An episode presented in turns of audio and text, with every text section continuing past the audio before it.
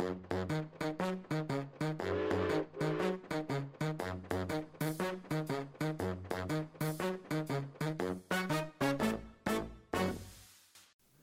ønsker vi deg, kjære lytter, velkommen til en ny episode av eh, podkasten Ekspedert. Vi på eh, Narvik museum vi eh, får av og til historier i hende fra folk som kommer på besøk, som har enten rydda på loftet, i kjelleren, eller rett og slett gått gjennom et dødsbo. Og funnet ting som de er i tvil om. Skal jeg kjøre det her på Djupvik, som er avfallsplassen i Narvik? Eller skal jeg ta en tur ned på museet og spørre om de ser nytte i det? Vi er veldig glad for de som kommer ned hit istedenfor å dra på Djupvik. For eh, la oss få se på materiellet før, først, så kan vi avgjøre om det her skal ende sine dager på en eh, skraphaug. Så eh, historien vi skal eh, snakke om, eh, den foregår for eh, 83 år siden. Og det er ei helt utrolig historie. Eh, I dag er det jeg, Trond Lomli, som er programvert. Og han som vanligvis er programvert, Jon Framnes, han er da den vi skal få historien fra. Hjertelig velkommen, Jon, i studio i dag. Tusen takk for det, Trond Bramli. Veldig hyggelig å være til stede her i studio. Du har eh, mm, kommet over en eh, perle av en ukjent eh, historie. Ukjent krigshistorie. Introen din det var jo litt sånn god sånn uh, Djupvikas forgård. Er gjerne et museum der. Og vi vil jo gjerne kikke på ting før eh, eh, folk eventuelt hiver det. Eh, her, eh, det vi skal fortelle om i dag, det er litt sånn uferdig historie. Men det er historier jeg ikke har hørt om før. Og kanskje vi kan be lytterne våre som må hjelpe oss med å få mer kjøtt på de såkalte beina på denne historien. Ja. Og eh, historia det er altså om eh, noen båter. Noen mindre fartøy. Båter. Narvik er jo en havneby. Ja. Eh, så da må vi snakke om båter. Eh, nødvendigvis ikke de store malmbåtene eller eh, de fæle krigsskipene som har eh, versert og herja her på havna, men litt mindre båter. ja. Hverdagsbåter. Man kan si hverdagsbåter, ja.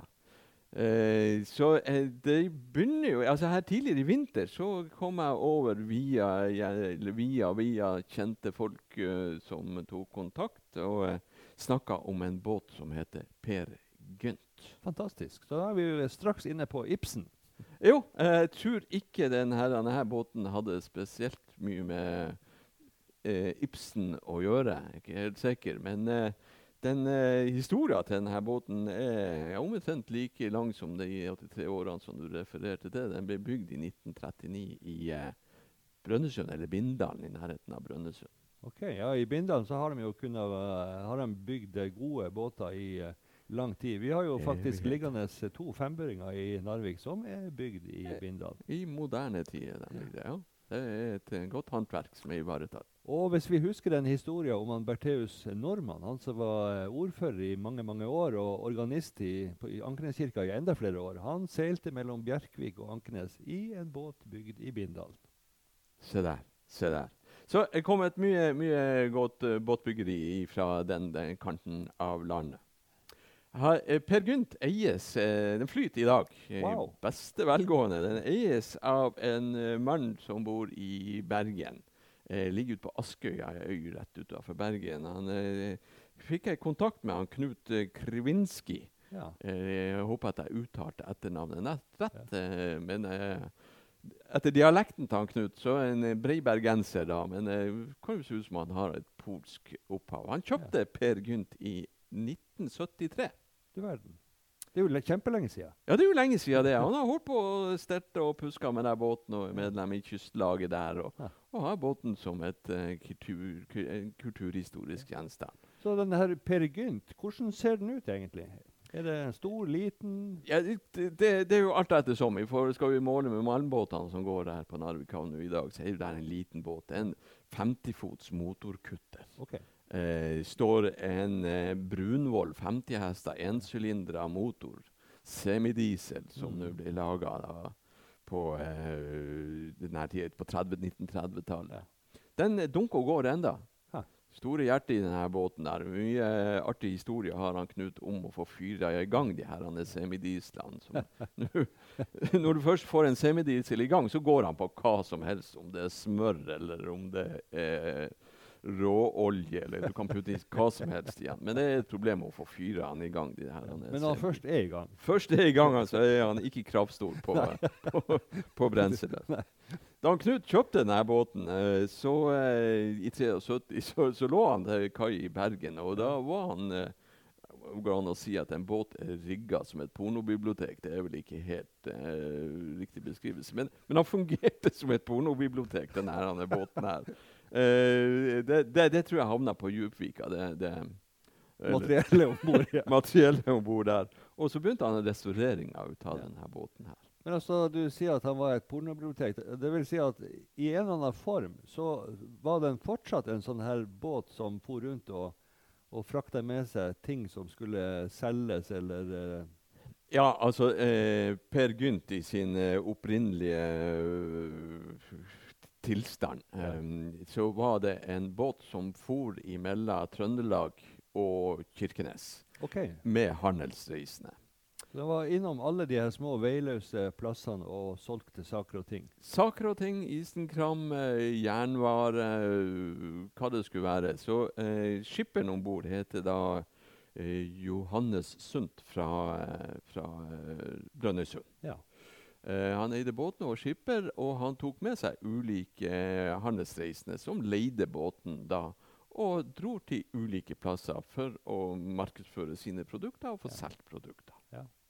Og på den turen vi skal innom, så har han med seg to stykker fra et handelshus i Bergen. Ja, antagelig der. Eh, vi leita litt i noen gamle skrifter fra Norsk Handelstids eh, tidsskrifta, da, eh, der det står litt grann om denne båten. For eh, eh, når jeg snakka med Knut der, så ønska han å få litt mer eh, hvor denne båten har vært. Så vi prøver å hjelpe Mm. til med det. Og det viser seg jo at denne båten her har vært i Narvik. Du verden. Det er jo kanskje ikke så unaturlig når man skal eh, på, på 30-tallet reise med handelsreisende og få solgt ting. Så Narvik var jo da en oppegående by. Ja ja, visst. Det var et, et bra marked. Ja, antagelig et Ja. bra marked der. Så det her var visst handelsreisende som drev på med jernvarehandel. Ja. Eh, så det er ikke usannsynlig at den lå ankra opp eh, til kai- dampskipskaia eller utafor gamle Revoll, som lå Ja. på Fagernes. ja. Det er en av de mange kaiene rundt eh, Narvik havn. Ja, vi er ikke helt sikre på Nei. akkurat hvor den lå. Og det minner meg om at denne episoden kanskje også kunne hete 'Båter som var på feil plass'. Til feil tid. Til feil tid, ja. Jo da. Eh, når vi nå sier at det her, den, den, den, den kom nordfra, denne båten. Ja. Hadde vært Eh, eh, oppe i Troms og. Finnmark og, og solgt saker og ting. Ja, ja, ja. ja. Og eh, jeg sier at det var jo ganske ruskig vær, eh, og det var jo ting i, eh, i ende eh, akkurat på denne tida. Så den Mm. kom til Narvik 7. april 1940. Ja, Omtrent samtidig som ti tyske jagere forlot Bremerhaven. Ja, det er vel noen med samme kurs, med kurs mot Narvik. med kurs mot Narvik. WC Rybung var vel allerede da i gang.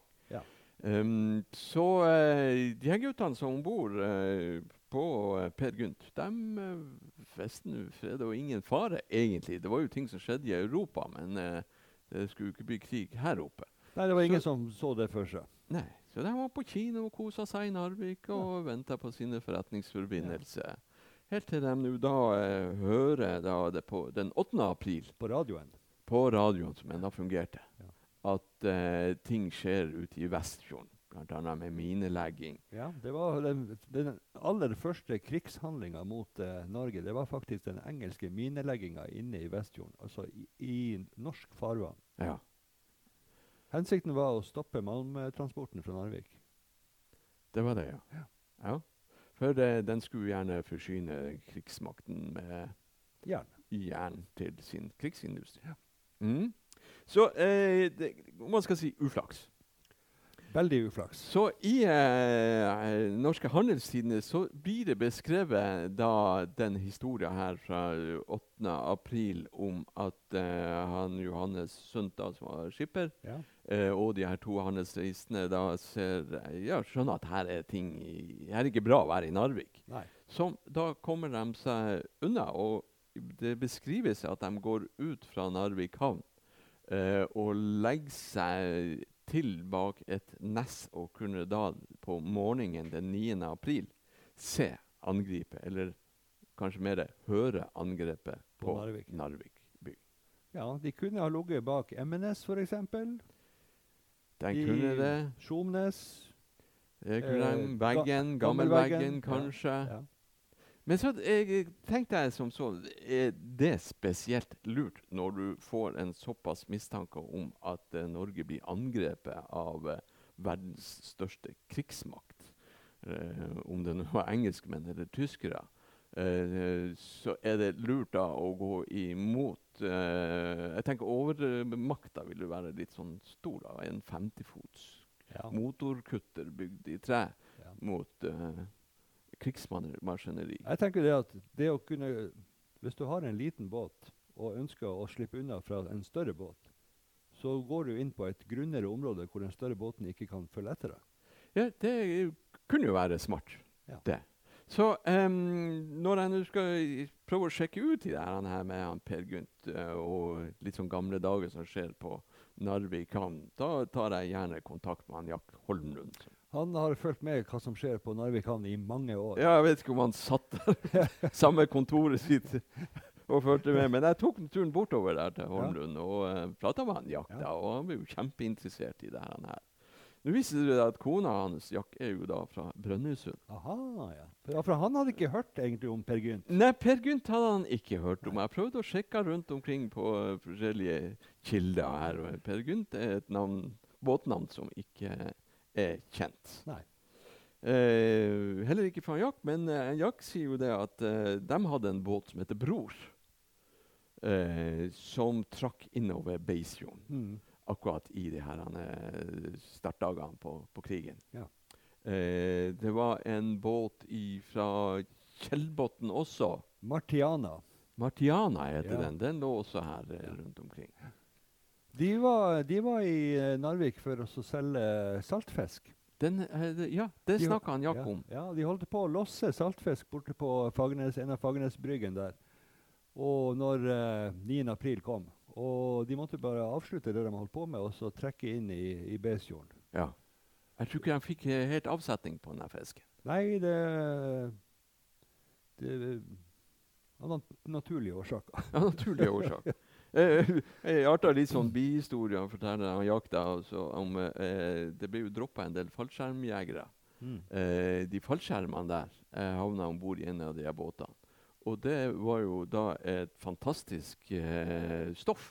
Silkestoff. Silkestoff. Flortynn silke. Ja. Og det gikk jo med i eh, kjoler og skjørt rundt omkring til damene i Ofoten. Ja. Utmerket kjolestoff.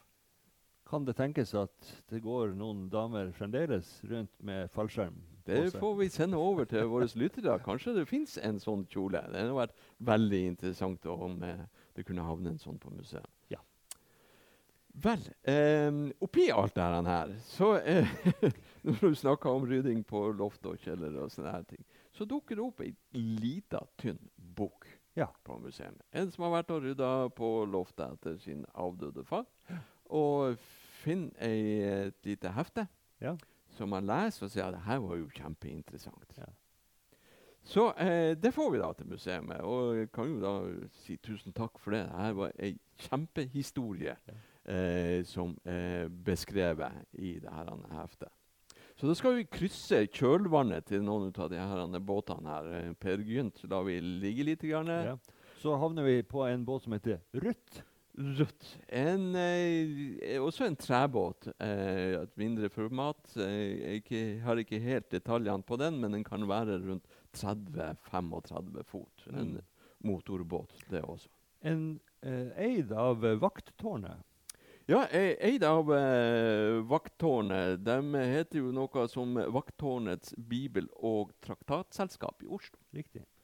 Så mens Per Gynt for rundt og solgte isenkram, så for Ruth rundt og solgte det gode budskap. Det gode budskapet eh, Her er jo da Jehovas vitne sine misjonærer som er om bord. Ja. Eh, en som heter Andreas Hope, var skipper om bord og misjonær for eh, Jehovas vitner og vakttårnet. da. Så de for også rundt omkring i hele Nord-Norge eh, med sitt budskap. Ja, og lasterommet var innreda som et bibliotek. Det var et bibliotek. Vi har et bilde av det biblioteket. Det var et staselig flott bibliotek Ja. inni denne båten her. Ja.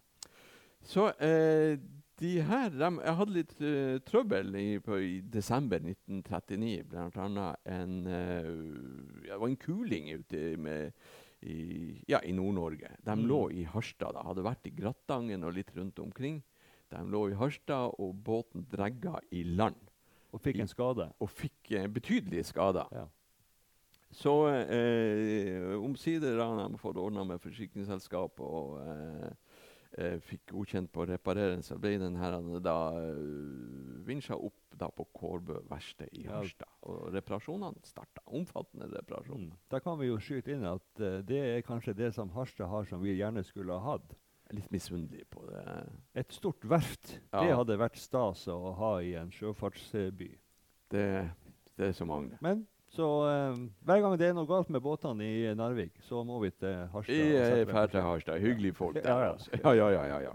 Eh, I Harstad, mens de er i Harstad og venter på reparasjonene, så, um, så eh, de, drar de litt rundt omkring og misjonerer. Eh, Drar på døren til folk, eh, selger vakttårnet og krigsropet. Eh, det her er ikke helt eh, bra sånn handelsvirksomhet.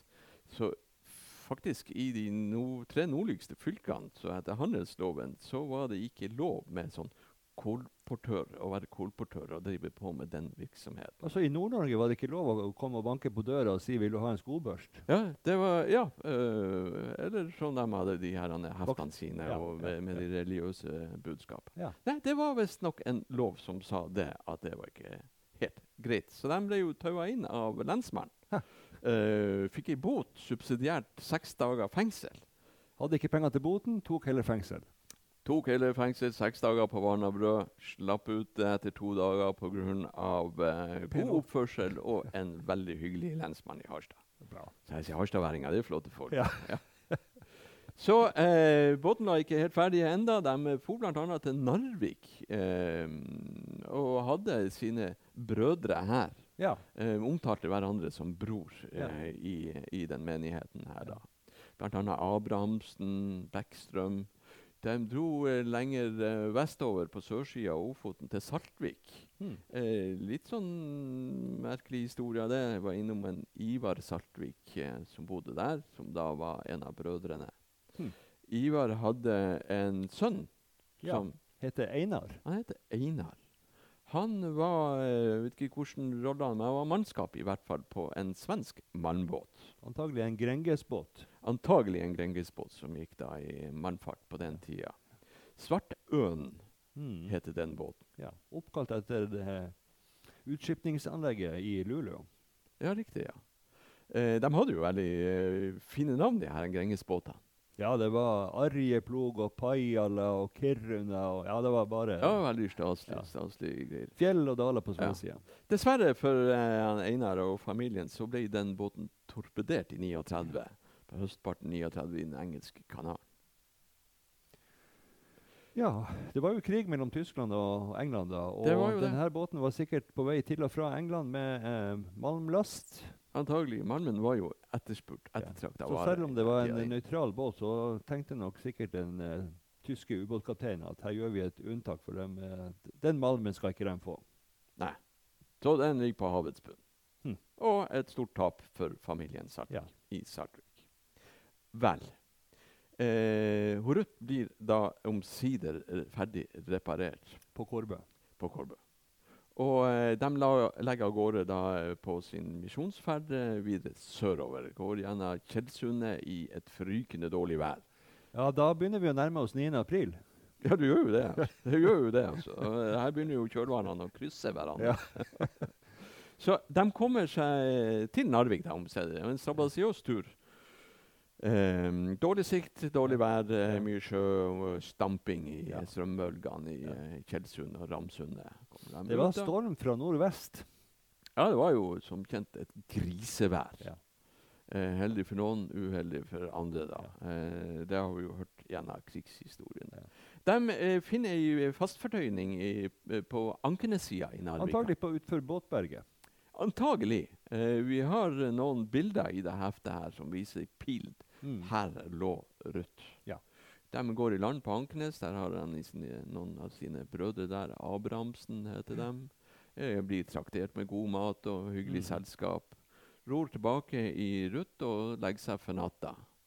På kvelden den 8. april. Ja. Så våkner de med et brak, kan du si. Ja. De står i heftet beskriver 0430. Det kan nok stemme veldig godt. Ja, jeg tror det var, eh, Spør du han eh, Torgersen på, på Krigsmuseet, så var det visst 0431 det braka løs.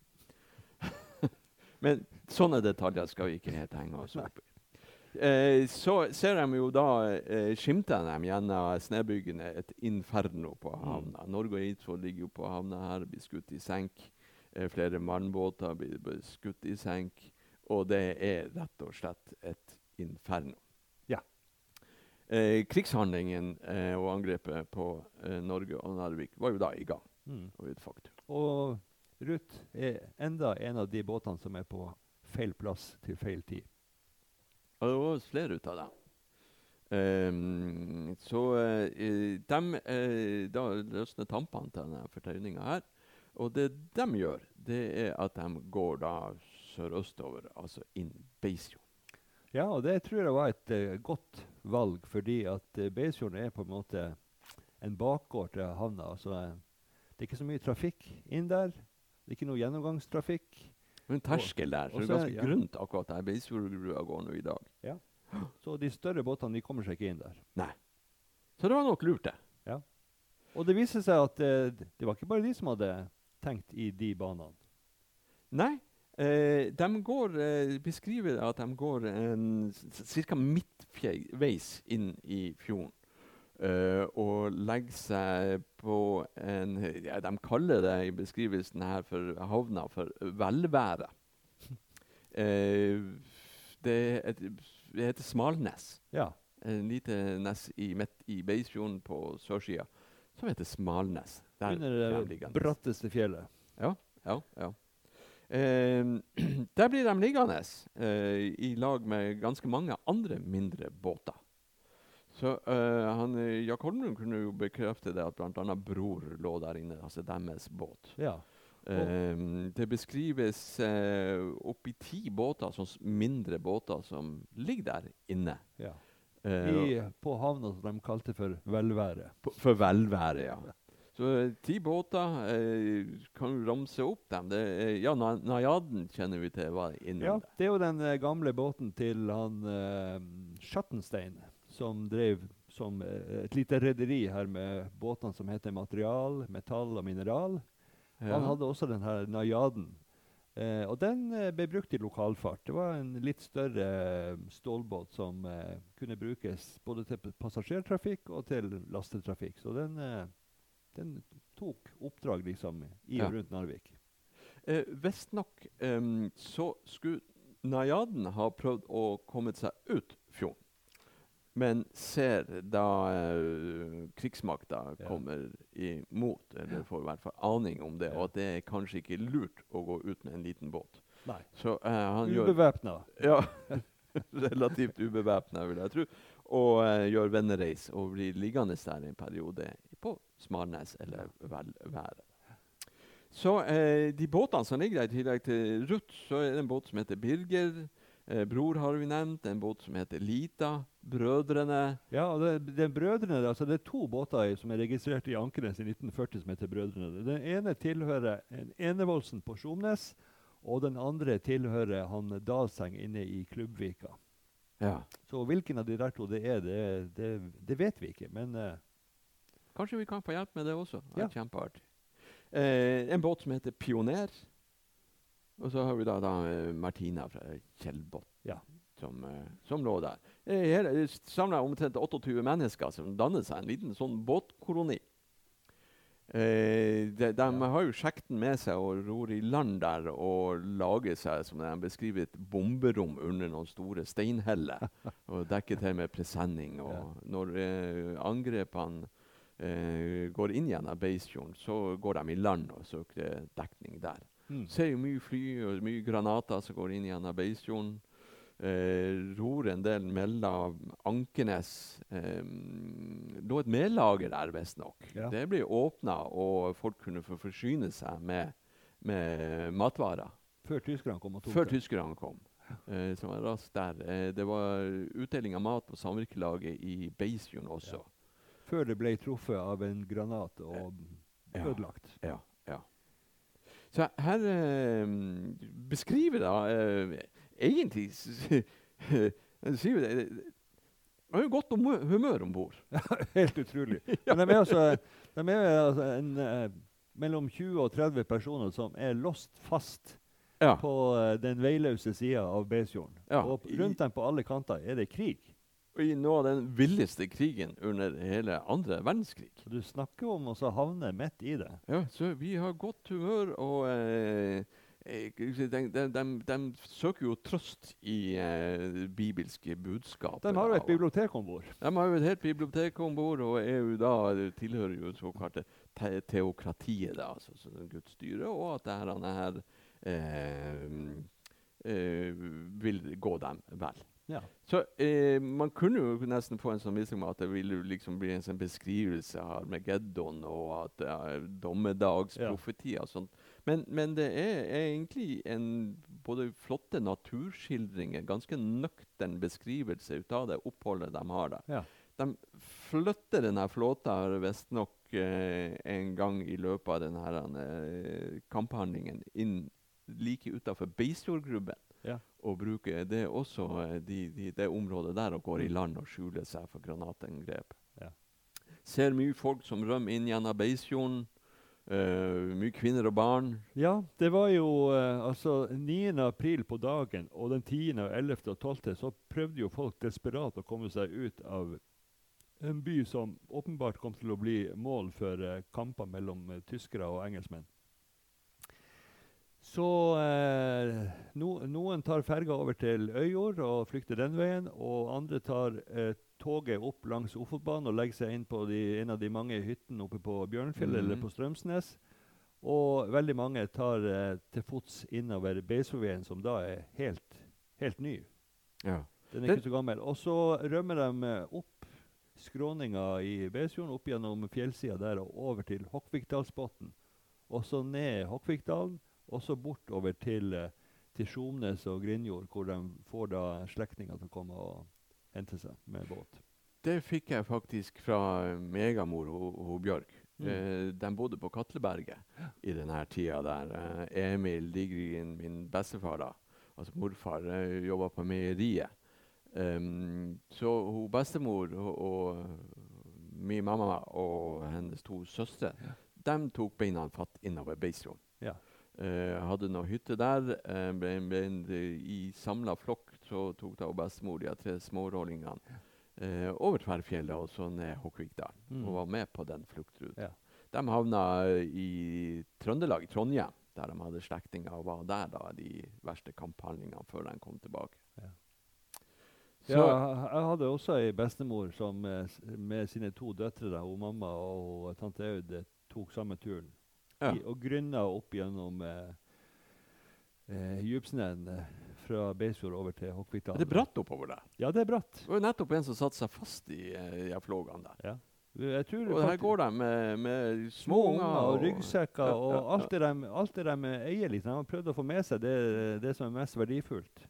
I kofferter og jeg mener, Ja. all, Alle hadde jo ikke en ryggsekk. Mange Nei. dro med seg kofferter og væske. Og, Det er heftig, heftig, heftig tider, det her. han her. og der har vi altså ei bok med øyenvitner som så det her ifra. De, de- så det, og eh, eh, til eh, alt hell så han Andreas Hope eh, og Hatland Jeg fikk ikke med, eh, Det står ikke beskrevet fornavnet av dem, men Nei. bror Hatland det var Ja. de to som var i, eh, hovedsakelig i denne misjonsskipet Ruth. de eh, var oppi ni stykker på det meste eh, om bord i denne her. Um, de skulle eh, bake brød, eh, og da var det en av de gjestene om bord som hadde litt grann kunnskap om mat og Hmm. landbruk og matvarer. Da. Eh, for å kunne lage en surbrøddeig. Da. Så for å få det her til å gjære og sette i gang denne prosessen, der, så raspa han rå potet. Okay. Og får satt i gang da en brøddeig, så de hadde uh, brød eh, så de kunne spise ut av. Ja, Ja. Så eh, eh, han beskriver også da under det her oppholdet her at det er noen båter som drar herifra underveis. Eh, noen båter blir forlatt eh, av de som var om bord. Ja, f.eks. den Martiana fra Kjellbotn hun blir forlatt der. Hun blir rett og slett Ja. forlatt der. Ja, så blir liggende igjen. Ja. Ja. Så det kan jo være de som, som hadde uh, hus i, i området her, mens de som nå da Sånn som de her handelsreisende, da. Ja. Nei, de var jo stuck. de var stuck. Ja. I en fjord. Ikke noen slektninger, ikke noen venner. Ikke noe, altså, de hadde jo sikkert familie som var bekymra for dem, men uh, de fikk jo, Ja, ikke, fikk jo ikke gi noe beskjed. og De familiene kunne jo like så godt bo i, i Bergen og Trondheim og andre plasser. Det her var jo omreisende folk. Var jo det. var jo det. Så uh, det, de blir rett og slett liggende her i nærmere to måneder. Wow. Uh, så uh, de, når de ser at noen båter da blir forlatt, eh, en båt drar ifra, så prøver de jo å få tillatelse fra myndighetene, både de militære myndighetene Det blir spennende å høre hvordan det gikk. ja, så de går jo først til politiet og spør om det er greit. Kan de forlate eh, Narvik Ja, får vi lov til å tøffe ut og komme oss hjem? Jo, man får jo da til svar at det er det militære sitt anleggende. Du må gå til Forsvarskommandoen her og høre om tillatelse der. Ja. Så går man over da til eh, neste kontor og får eh, egentlig samme beskjed. Her er jo faktisk den norske politimyndighet som da skal avgjøre. um, så, sånn holdt de på mellom kontorene der til at man som, ja, Vanlige folk blir jo kanskje litt lei ut av å gå mellom kontorene og spørre om tillatelse. Så var jo, Halve byen var jo sprengt og brent. Ja, og det, Så de her kontorene de hadde jo sikkert flytta rundt omkring i byen, så det var jo eh, eh, en labyrint og en kabal. Ja. så de tar saken i egne hender, som de sier, og uh, bare tenker som så at vi må komme oss bort herifra. Ja. Så den 29. mai så letter de ankeret i si, eh, si havn her. Ja, Da er tyskerne nettopp jaga ut av byen. Ja, det er jo, eh, er jo eh, positivt sånn sett eh, i forhold til eh, de allierte sin innsats i, i Narvik. Og Tyskland blir jo trengt opp imot grensen da. Og Mm. eh, byen var jo frigjort. Og, og um, ja, den, Ja, de, de siste tyskerne i Narvik de, de rømte jo innover langs veien i Beisfjord, akkurat som nordmenn rømte Mm. innover der eh, to måneder tidligere. Så um, den kommer seg av gårde da 29.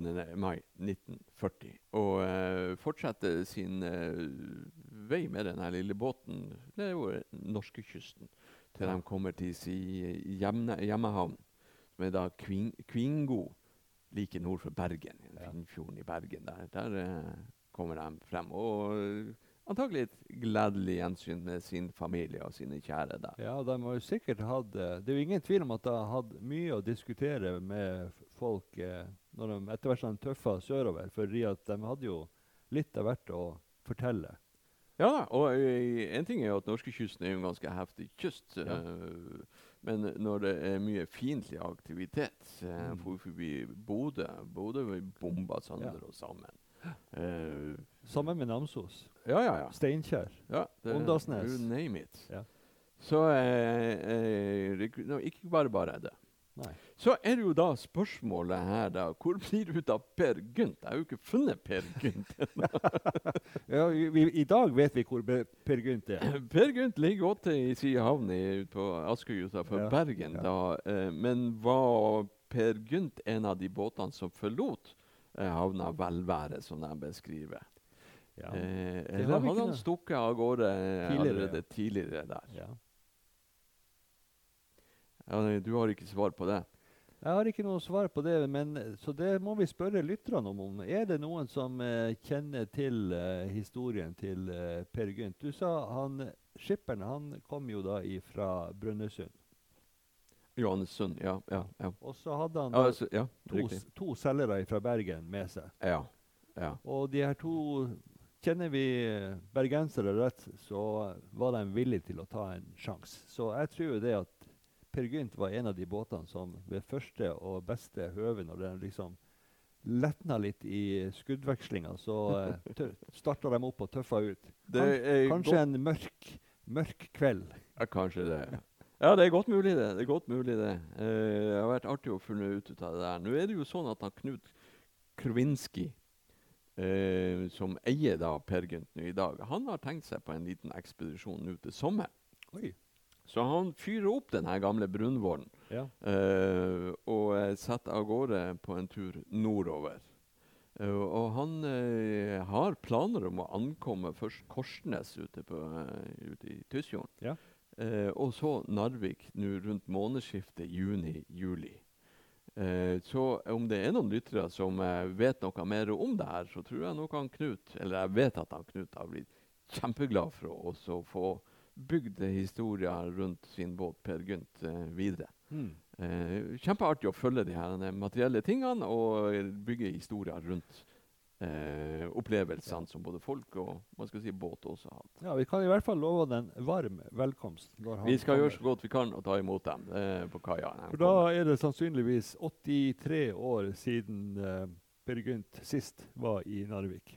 Det kan du eh, regne med. Har nok Ja. ikke vært nordover. Og kanskje kan vi få til en liten museumstur inn til Smalneset i Beisfjorden. Burde kanskje det. Ja. Burde kanskje det.